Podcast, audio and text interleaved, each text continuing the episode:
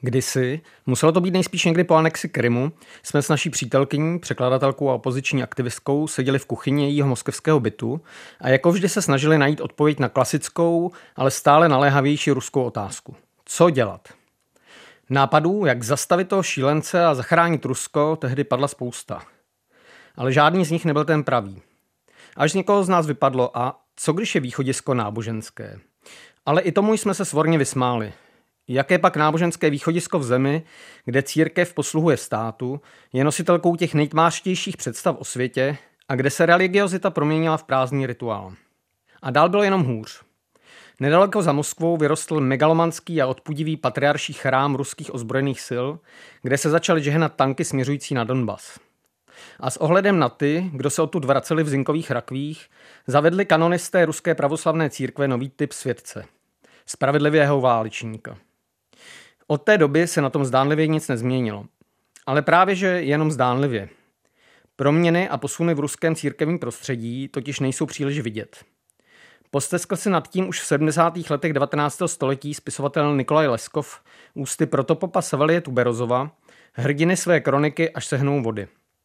Zdali pak víš, jaký život vede ruský pop, onen zbytečný člověk, kterého podle tebe možná z Bůh darma povolali, aby přivítal tvé narození a povolají ho znovu, opět proti tvé vůli, aby tě doprovodil do hrobu. Zdali máš ponětí o tom, že bídný život tohoto popa není chudý, nýbrž přebohatý na neštěstí a dobrodružství.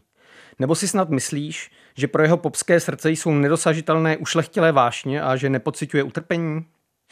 Kdybychom to měli napravit, museli bychom asi začít ránem 9. září roku 1990, kdy byl cestou na bohoslužbu sekerou zabit otec Alexandr Meň.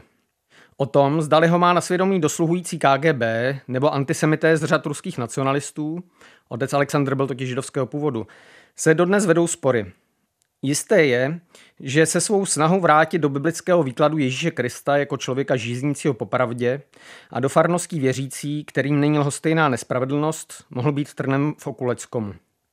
Ale abychom se dostali k dnešnímu dni. 17. února byl začen kněz Grigorij Michnov Vajtěnko, když se u Sloveckého kamene v Petrohradu chystal odsloužit zádušní mši za Alexeje Navalného. Byl převezen na policejní stanici, během výslechu se mu udělalo nevolno a přivolaná záchranka konstatovala mozkovou mrtvici. Nyní je již naštěstí doma a celkem v pořádku. Petrohradská metropolie od nemocného kněze dala ruce pryč. Otec Grigory podle ní není duchovním ruské pravoslavné církve a všechna jeho prohlášení a výzvy je třeba ignorovat. Formálně má pravdu. Michnov Vajtěnko z ní totiž skutečně dávno přestoupil do apoštolské pravoslavné církve, která se hlásí k odkazu podzemní církve sovětského období. Ale církevním hodnostářům ve skutečnosti nejde o formality. Otec Grigory, podobně jako řada dalších dodnes praktikujících kněží, klade důraz na aktivně žité křesťanství a usiluje o zapojení lajků do života církve. Jeho farnost dnes mimo jiné provozuje rozsáhlou pomocnou síť pro ukrajinské uprchlíky. A je tu ještě jeden obecnější moment, který mě vrací k té dávno pronesené úvaze o náboženském východisku.